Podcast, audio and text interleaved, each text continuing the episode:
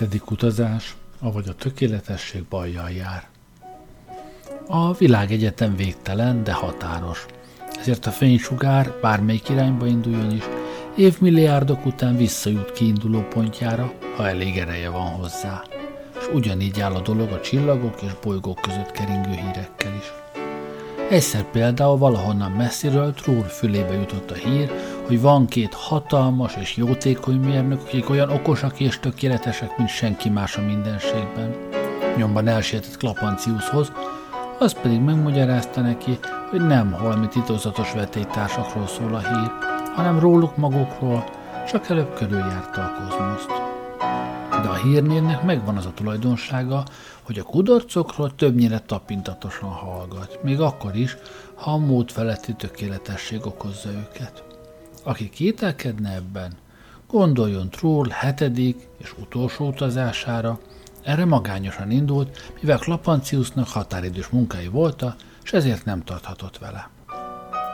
Az idő tájt Troll fölöttébe elpizakodott volt, és a tisztelet jeleit, amelyekkel körülvették, egészen magától értetődőnek tekintette. Észak felé repült hajóján, mert azt a vidéket ismerte legkevésbé.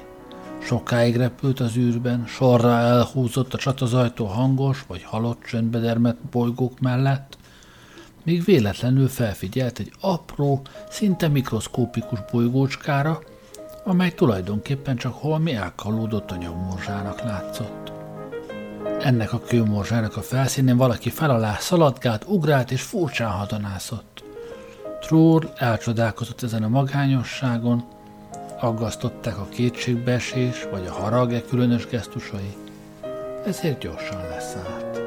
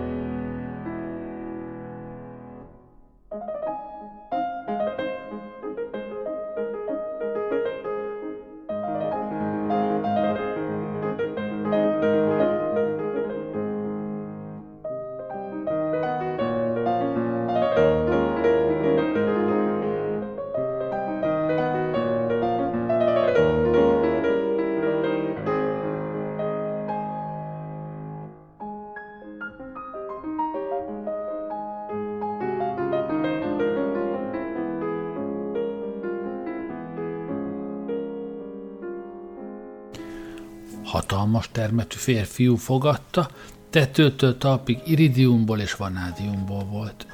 Zengő bongó hangon mondta el, hogy ő Tartaroszi kirúgtak király, Namarski és Fenebeléd országok uralkodója. Ám de mindkét országának lakosait álnok királygyilkos düh szállta meg, letaszították trónjáról, és erre a kőmorzsára száműzték, hogy itt keringjen a gravitáció fekete örvényeiben – az idők végezetéig.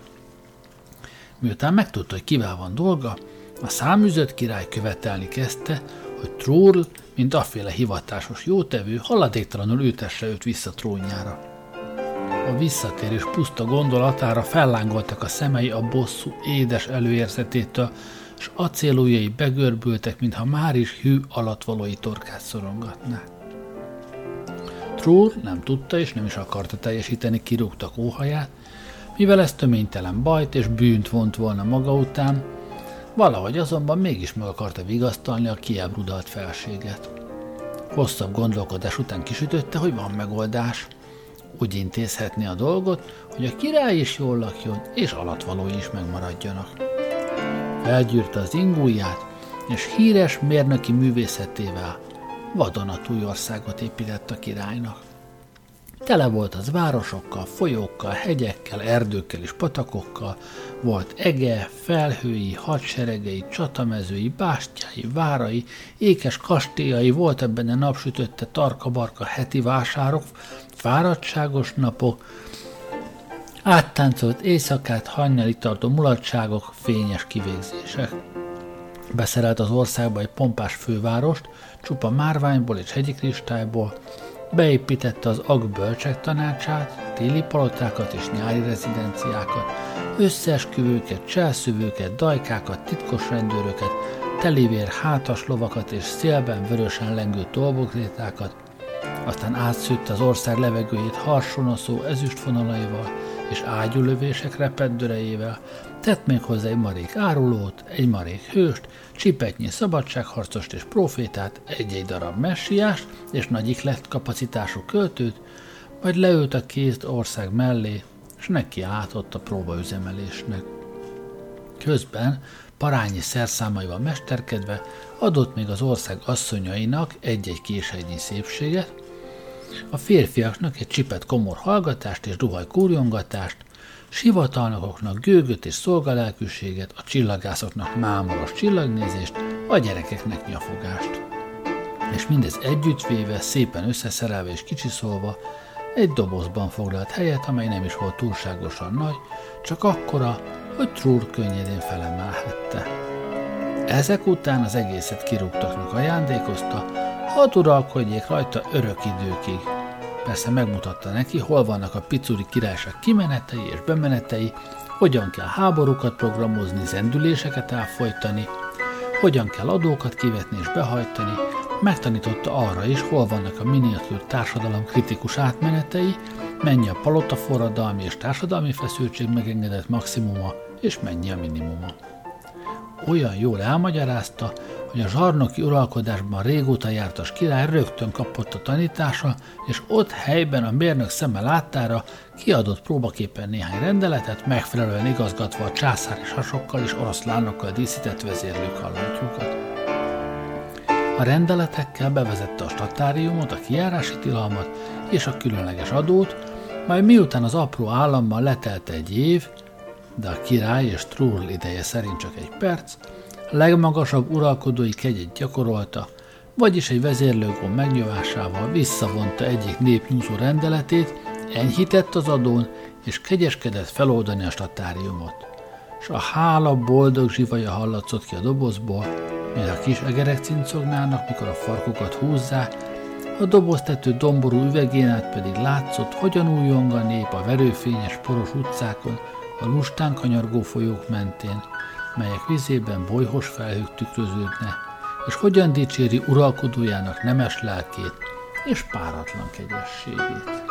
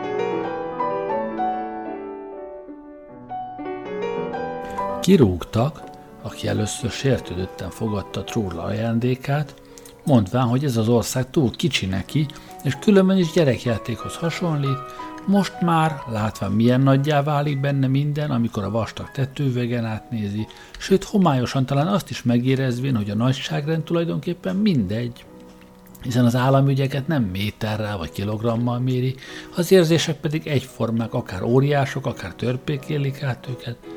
Végül is köszönetet mondott a mérnöknek, noha kis és savanyúan és feszengve. Alkalmasint legszívesebben elrendelte volna, hogy a palota őrség verje Bilicsbe Trúrt és kínozza halára, hiszen legjobb lett volna csírájában elfolytani minden olyasféle híresztelést, miszerint ő felsége úgymond holmi gyanús himpellértől, csavargó mesterembertől kapta ajándékba a birodalmát. De kirúgtakban volt annyi józanság, hogy belássa, erre kénytelen lett tenni az arányok miatt. Előbb hurcolhatná börtönbe a bolhák a kutyát, mint a királyi hadsereg trúlt. Még egyszer biccentette hát, majd megragadta a jogart és az országalmát, némi fáradtsággal fölemelte az országát tartalmazó dobozt, és becipelte szerény száműzötti viskójába.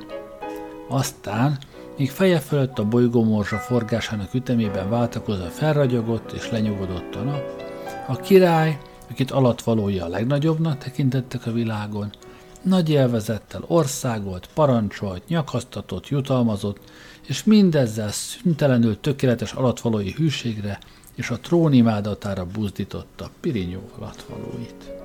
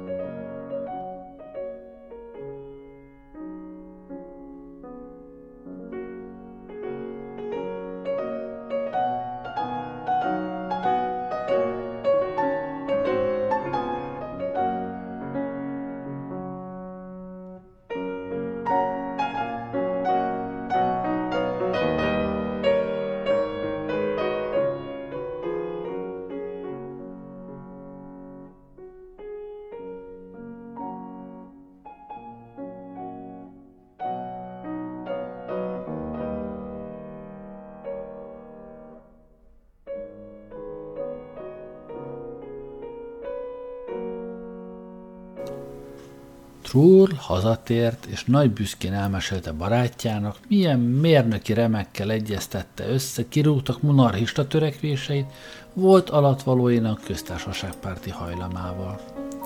Lapancius azonban csodák csodájára egyáltalán nem dicsérte meg mester munkájáért.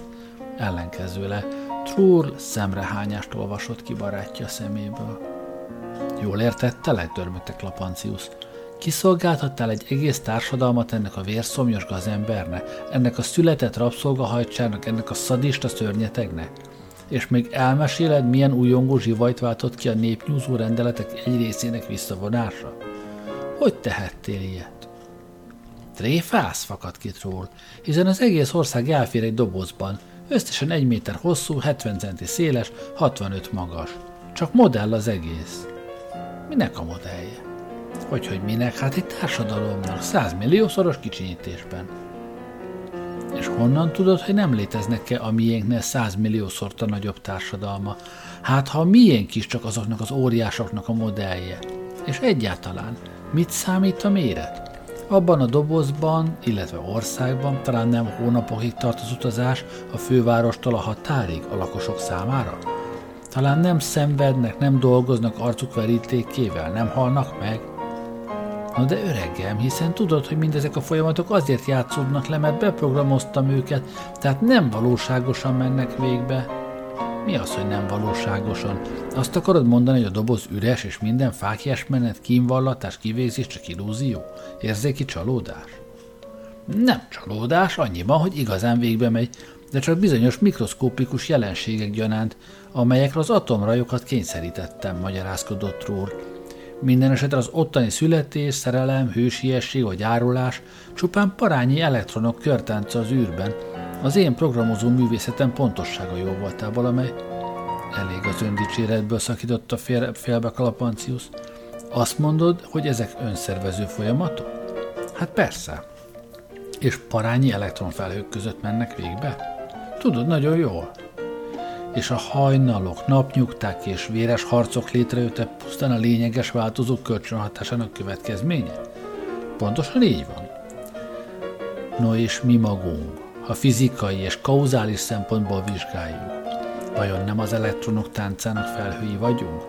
Nem az űrbe szerelt pozitív és negatív töltése? A mi létünk talán nem részecske ütközések következménye, noha mi magunk az elektronok bakugrásait úgy érzékeljük, mint szorongást, vágyat vagy gondolkodást. Hát mi egyéb történik a fejedben, amikor álmodozol, mint kapcsolások bináris algebrája és az elektronok szakadatlan tánca? No de Klapancius, azonosítanád a mi életterünket az üvegdobozba zárt játék ország életével? Méltatlankodott ról. Na hallod, ez már túlzás, hiszen én csak államszimulátort építettem, tökéletes kibernetikai modellt, semmi többet. Hát nem értett, Rúr. A tökéletesség a mi átkunk, amely minden alkotásunkra ránehezedi, mert kiszámíthatatlanná teszi a következményeket, mondta nyomatékosan Klapancius. Ha egy tökéletlen utánzó kínozni vágyna valakit, és csinálna magának holmi formátlan fatönköt vagy viaszbábut, amely külsőleg valamelyest hasonlít egy értelmes lényre, azon nyugodtan kitölthetni szadista hajlamát, és kész. De gondold meg, barátom, mi történik a tökéletesedés folyamán. Gondolj a következő szobrászra, aki már gramofont szerel a bábú hasába, hogy teremtménye jajgasson a korbás ütések alatt. Gondolj a következő bábura, amely bábuból már homeosztáttá válik, gondolja a könnyező, vérző bábút, és végül azt a bábút, amely retteg a haláltól, már ugyanakkor vágyik is a nem lét nyugalmára, hogy szabaduljon kínjaitól. Hát nem látod, hogy a szimuláció tökéletessége folytán a látszat valósággá váli, a színlelés igazsággá? Kiszolgáltatod egy vérszomjas zsarnoknak a szenvedésre képes lények egész tömegét. Tehát gyalázatos bűnt követtél el. Mindez csak szófacsarás, szakította félbe hevesen Trúr. Barátjának szavai elevenébe vágta, de persze csak annál dühösebben ágált. Az elektronok nem csak a mi fejünkben ugrálnak, hanem a gramofon lemezben is. Ennek a ténynek az általánosságából semmi olyan nem következik, ami feljogosítana efféle hiposztatát analógiákra. A kegyetlen kirúgtak alatvalói valóban vesztőhelyre mennek, sírnak, harcolnak, szeretne, mert így határoztam meg a paramétereket. De hogy éreznek-e közben valamit, azt nem tudjuk, Klapancius, mert arról a fejükben ugráló elektronok nem árulnak el semmit. Ha szétverném a te fejedet, abban se látnék egyebet, mint elektronokat, felelte higgadtan Klapancius. Úgy teszel, mintha nem értenéd, amit mondok, pedig jól tudom, hogy nem vagy ilyen buta. A gramofon lemeztől nem kérdezel semmit, a lemez nem fog irgalomért könyörögni, sem térdre esni.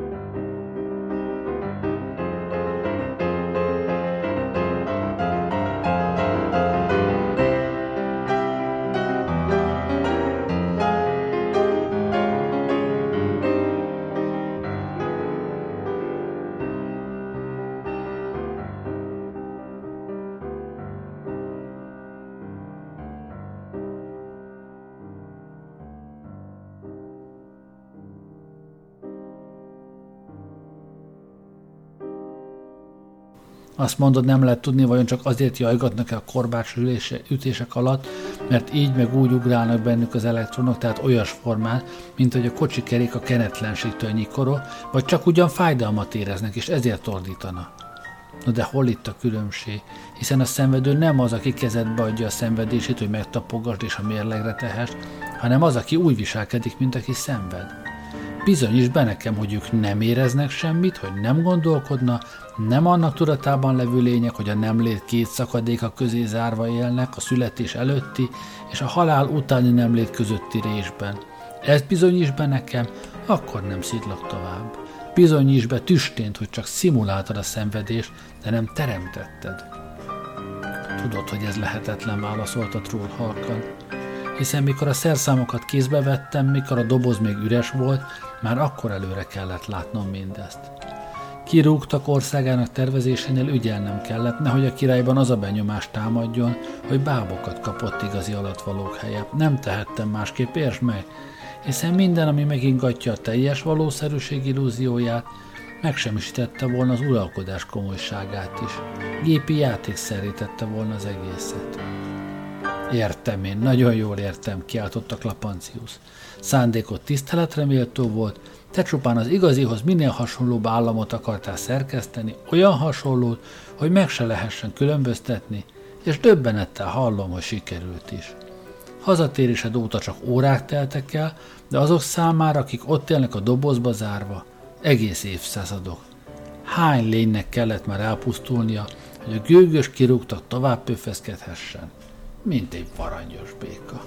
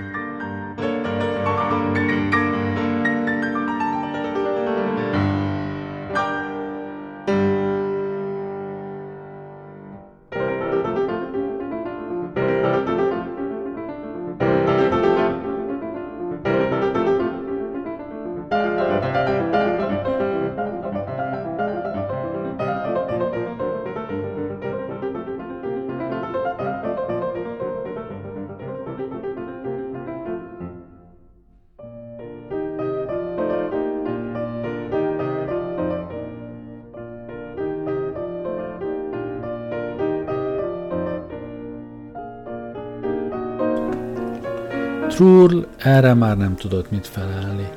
Csendesen elindult a hajója felé, és látta, hogy barátja követi. Az űrcsónak villám gyorsan az égbe röppent, Trull beirányította a hajó orrát két nagy tűzcsomó közé, s némán támaszkodott a kormányhoz, míg Klapancius meg nem szólalt. Javíthatatlan vagy, mindig előbb cselekszel, azután gondolkodol. Mit akarsz most csinálni, ha odaérkeztünk? Visszaveszem tőle az országot. És mit csinálsz vele? Hát megsemmisítem, kiáltotta volna Trull, de torkának adta szó. Nem tudott felelni, végül is azt mormolta. Választásokat rendezek, válasszanak maguknak igazságos kormányférfiakat. Hűbéreseknek és jobbágyoknak programoztad őket. Mit akarsz most a választásokkal? Mit változtatnának a sorsukon? Előbb az állam egész struktúráját kellene szétszerelned, és minden kapcsolást újra összekötnöd.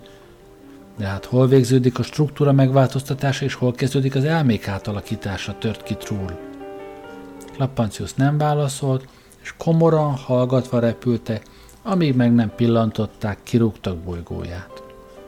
Leszállás előtt néhányszor körberepülték, és meglepő látvány tárult szemük elé. A bolygót az értelmes tevékenység számtalan jele borította. Parányi hidacskák íveltek a cérna vékony csobogó erek fölött, a csillagokat tükröző tócsák háta tele volt hajókkal. A bolygómorzsa sötét éjszakai féltekéjén települések fényei sziporkázta, a nappali féltekén pedig jól látszottak a városok, bár magukat a lakosokat a legerősebb távcsővel sem tudták felfedezni, olyan picikék voltak. Kirúgtak királynak pedig híre hamba sem volt, mintha a föld nyelte volna el. Eltűnt suttogta ámulva Trúr, mit csináltak vele? Sikerült szétveszítenünk a doboz falát, és elfoglalták az egész minibolygót. Oda néz, kiáltott fel Klapancius, és egy aprócska gombafelhőre mutatott, amely lassan szétfoszlott a légkörben, nem volt nagyobb egy stoppolófánál. Már ismerik az atomenergiát. És ott messzebb látod azt az üvegépítményt? A doboz maradványai valami templomfélét építettek belőle. Nem értem hiszen ez csak modell volt, csak folyamat nagyszámú paraméterrel monarchisztikusra programozva, e, visszacsatolásos szimulátor variábilis multisztát dadogta ámulva, és megdöbbenve troll. Igen, de elkövetted a megbocsáthatatlan hibát, hogy túlságosan tökéletes volt a szimuláció. Nem akartál pusztán óraszerkezetet építeni, és így akaratlanul, menő gondosságból azt építetted meg, ami lehetséges és szükségszerű, és ami a mechanizmus ellentéte. Nem mond végig, kiáltotta Trull, és néztek, néztek lefelé, míg egyszer csak valami nekiütközött a hajójuknak, szerencsére csak súrolta őket. Oda pillantottak, és jól látták azt a tárgyat, mivel fénycsik húzódott utána. űrhajó volt, vagy talán csak mesterséges volt, de meglepően hasonlított az egyik acélcsizmához, amelyet a zsarnok kirótak viselt hajnalában. És amikor feljebb tekintette, magasan a bolygócska fölött megláttak egy fénylő égitestet, amely korábban nem volt ott, és megismerték jéghideg kerek felületén kirúgtak arcvonásait, akiből így módon lett a mikromini nép bolygójának holdja.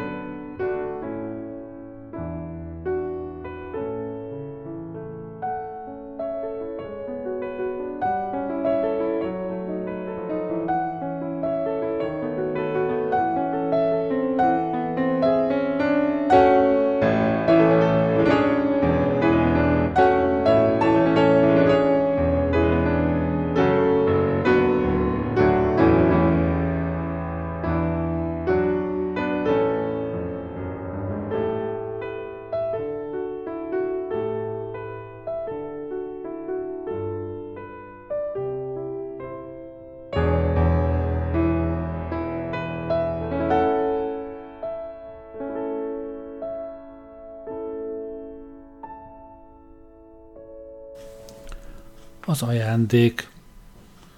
Valaki kopogott Klapancius mérnök házának ajtaján. Ajtót nyitott, kidugta a fejét, és megpillantott egy potrohos gépet négy kurtalában. Ki vagy, és mit akarsz? kérdezte. Én kívánságteljesítő gép vagyok, barátod és nagy kollégát Troll küldött hozzád ajándékba. Ajándékba gyanakodott Klapancius, aki elég vegyes érzelmeket táplált Trull iránt, és különösen az nem tetszett neki, hogy Trullt a gép az ő nagy kollégájának nevezte. Na jó, döntött rövid gondolkodás után, bejöhet. A sarokba küldte a kemence mellé, és látszólag rá se hederítve visszatért félbeszakított munkájához. Három lábú, gömbölyű gépet épített, már majdnem kész volt, most fényesítette. Kisvártatva megszólalt a kívánság teljesítőgép. Hadd emlékeztesselek jelenlétemre. Nem feledkeztem meg rólad, feletek Lapancius, és tovább végezte munkáját. Egy idő után a gép megint megszólalt. Elárulnád, hogy mit csinálsz? Tudtam, a kívánságteljesítő gép vagy, és nem kérdezgető gép, oktatta Klapancius, majd hozzátette. Kék festékre van szükségem. Nem tudom, lesz-e az az árnyalat, amelyet kívánsz, buzgolkodott a gép, és a hasán levő kisajtón át festékes dobozt varázsolt elő. Klapancius kinyitotta, szó nélkül belemártotta ecsetjét, és festéshez látott. Estig kért még csiszolópapírt, karborundot, fúrót, fehér festéket és csavarokat, és a gép minden alkalommal rögtön átnyújtotta, amit kívánt. Este aztán ponyvát terített épülő masinájára, megvacsorázott, leült a géppel szemben egy kis háromlábú székre, és így szólt. Na most lássuk, mit tudsz. Azt mondod, mindent képes vagy megcsinálni? Mindent éppen nem, de sok mindent szerénkedett a gép. Meg voltál elégedve a festékkel, a csavarokkal és a fúróval? Nagyjából feleltek Lapancius, de most sokkal nehezebb dolgot kívánok tőled. Ha nem csinálod meg, visszaküldelek a gazdádhoz az ennek megfelelő köszönettel és véleménnyel.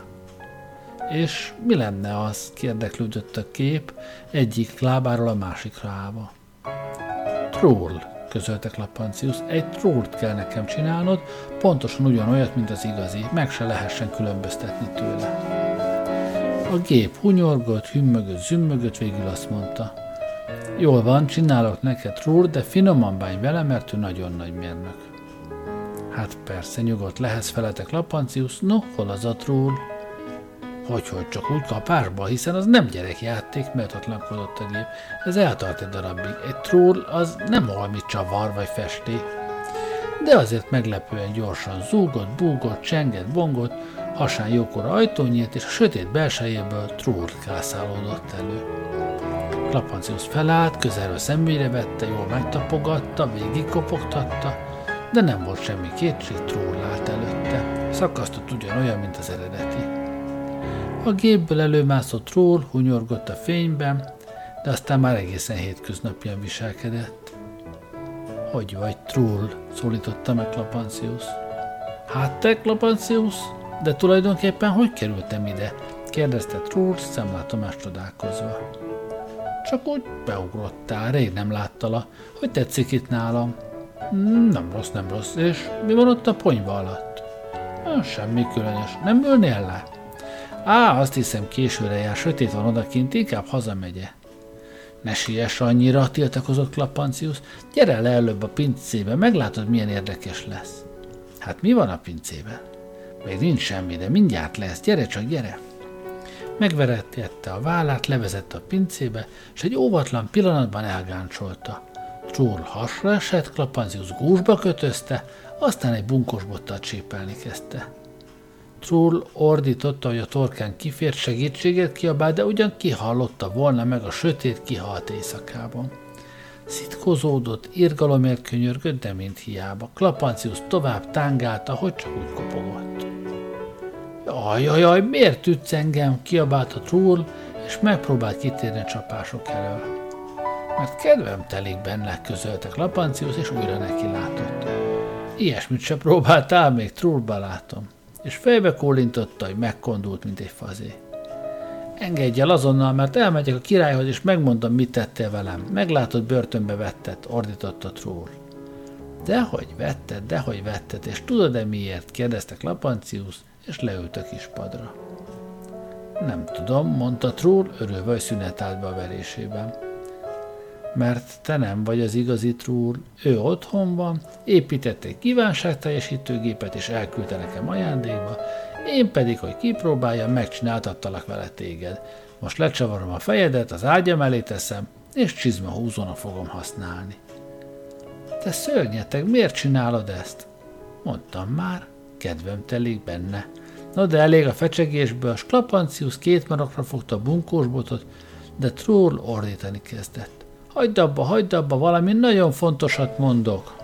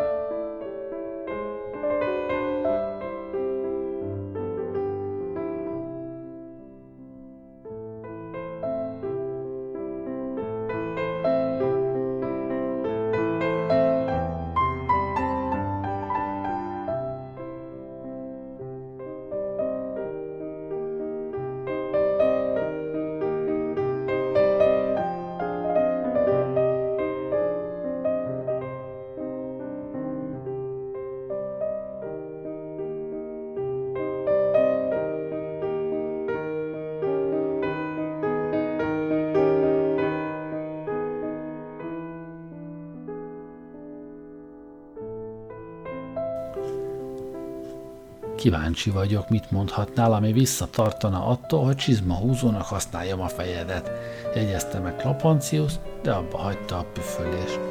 Trúrlekkor lázasan magyarázni kezdte.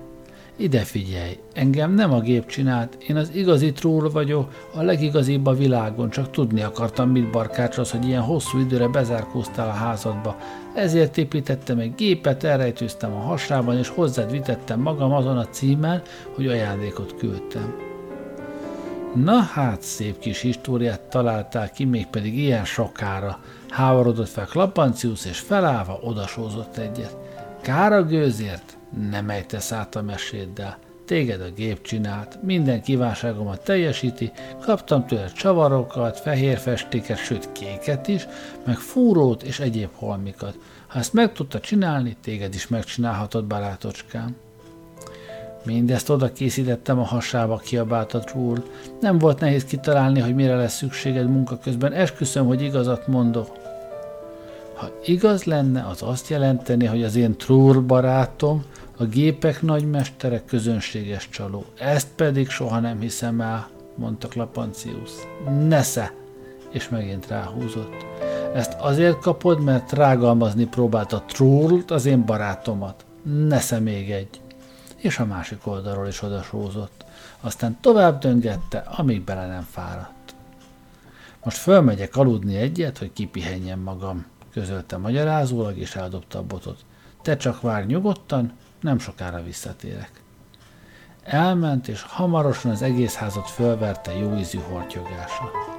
Troll addig izget, mozgott, míg kötelékei meg nem lazultak, majd kibogozta a csomókat, fellopózott, bemászott a gépbe és hazaügetett benne. Klapancius pedig markába nevetve figyelte a kis ablakon át. Másnap elment látogatóba Trollhoz. Az komoran hallgatva engedte be. Fél homály volt a szobában, de a jószemű Klapancius így is észrevette Troll törzsén és fején a tegnapi verés nyomait, már az is látszott, hogy Troll azóta javarészt kikalapálta a horpadásokat. Miért vagy olyan rossz kedvű? kérdezte vidáman Klapancius. Eljöttem megköszönni a szép ajándékot, csak az a kár, hogy amíg aludtam, olajra lépett, még az ajtót is nyitva hagyta, mintha égne a ház. Azt hiszem, helytelen módon használtad fel az ajándékomat, hogy többet nem mondja, tört ki Trúl. A gép már mindent elmondott, ne fáradj, tette hozzá dühösen, látva, hogy Klapancius kinyitja a száját. Megcsináltattál vele engem, aztán a másolatomat furfangosan lecsaltad a pincébe, és rútul összeverted. És miután ilyen gyalázatosan bántál vele, miután így köszönted meg pompás ajándékomat, még bemersz hozzám állítani, mintha mi sem történt volna. Hallja, mit mondasz erre? Egyáltalán nem értem, miért vagy mérges feletek Lapancius. Csak ugyan megcsináltattam a géppel a másolatodat, mondhatom tökéletes volt, nem győztem bámulni. Ami a verést illeti, a gép alig, hanem jócskán túlzott. Igaz, rásóztam néhányat, mert ki akartam próbálni, hogy szolid munka-e, meg arra is kíváncsi voltam, hogyan reagál. Rendkívül éles elmélyűnek bizonyult. Nyomban beadott nekem egy kitalált históriát, miszerint te volnál ő a saját személyedben, persze nem hittem el, mire esküdözni kezdett, hogy a szép ajándék nem is ajándék volt, hanem közönséges csalás, Nyilván megértett, hogy meg kellett védenem a becsületedet, az én kedves barátom becsületét, tehát szigorúan megbüntettem az arcátlan hazugságáért. De meggyőződtem róla, hogy rendkívül értelmes, azaz nem csak külsőleg, hanem szellemileg is hasonlít hozzád, drága barátom. Valóban nagy mérnök vagy, csak ezt akartam megmondani, ezért jöttem át ilyen korán. Ja úgy, na igen, igen, dünnyögte, némileg már megbékélt Rúr, bár továbbra sem találom a legszerencsésebb módnak, ahogyan a kívánság teljesítő gépet felhasználtad, no de hagyjuk. Igaz is, mit csináltál azzal a mesterséges tróllal érdeklődött ártatlanul Klapancius? Megnézhetném még egyszer? Őrjöngött dühében feletett Rúr, fenyegetőzött, hogy megless a házad melletti szikla mögül és szétveri a fejedet. Le akartam beszélni erről, amire nekem ugrott, éjszaka pedig mindenféle drótból csapdát és hálót kezdett fabrikálni számodra, barátom, így hát, már úgy vélekedtem, hogy megsértettél engem az ő személyében, Régi barátságunkra gondolva meg akartalak menteni a haláltól, és mivel ez a masina mindenáron meg akart ölni, nem láttam más megoldást, mint hogy apró darabokra szereljem szét. És Trúr, mint egy akaratlanul belerúgott a padlón heverő alkatrészekbe. Ezután meleg búcsút vettek, és jó barátokként váltak el. Attól kezdve Trúr egyebet se mint széltében hosszában ezt a történetet mesélgette, hogyan ajándékozta meg Klapanciuszt a kívánság teljesítőgéppel, milyen csúnyán viselkedett a barátja, amennyiben trúr csináltatott és agyba főbeverte, hogyan próbált a remek másolat ötletes füllentésekkel kiszabadulni a kutya szorítóból, hogyan szökött meg, mihelyt Klapancius elfáradt és aludni tert, és miként szerette szét ő, Trúr, a gép csinálta Trúrt, aki hazafutott, még pedig csak is azért szerelte szét, hogy megvédje barátját az eltángált masina bosszújától. Addig-addig mesélt, dicsekedett, hetvenkedett és hívta Klapancius tanulságul, míg a furcsa kaland híre el nem jutott a királyudvarba, és ott mindenki a legnagyobb csodálattal kezdett beszélni Trúrról. Holott nemrég még a világ legbutább gondolkodó gépének készítőjeként emlegették. Hamarosan Klapancius fülébe jutott, hogy Trúrt a király bőkezően megajándékozta, és kitüntette a nagy flip-flop érdemrenddel, meg a lebegőpontos csillaggal. Lapancius felfortyant erre a hírre. Hogy, hogy? Hát azért, mert én keresztül láttam rajta, mert túljártam az eszé, mert alaposan elpáholtam, hogy alig győzte kikalapálni magát, mert énnek idején distelenül meglogott a pincénből, most jólétben úszik, és még a király is kitünteti. Ó, micsoda világ! És túlva, fúrva hazatért, hogy műhelyébe zárkózzék. tudni illik, ugyanolyan kívánságteljesítő gépet épített, mint amilyet Troll, csak amazé hamarabb készült el.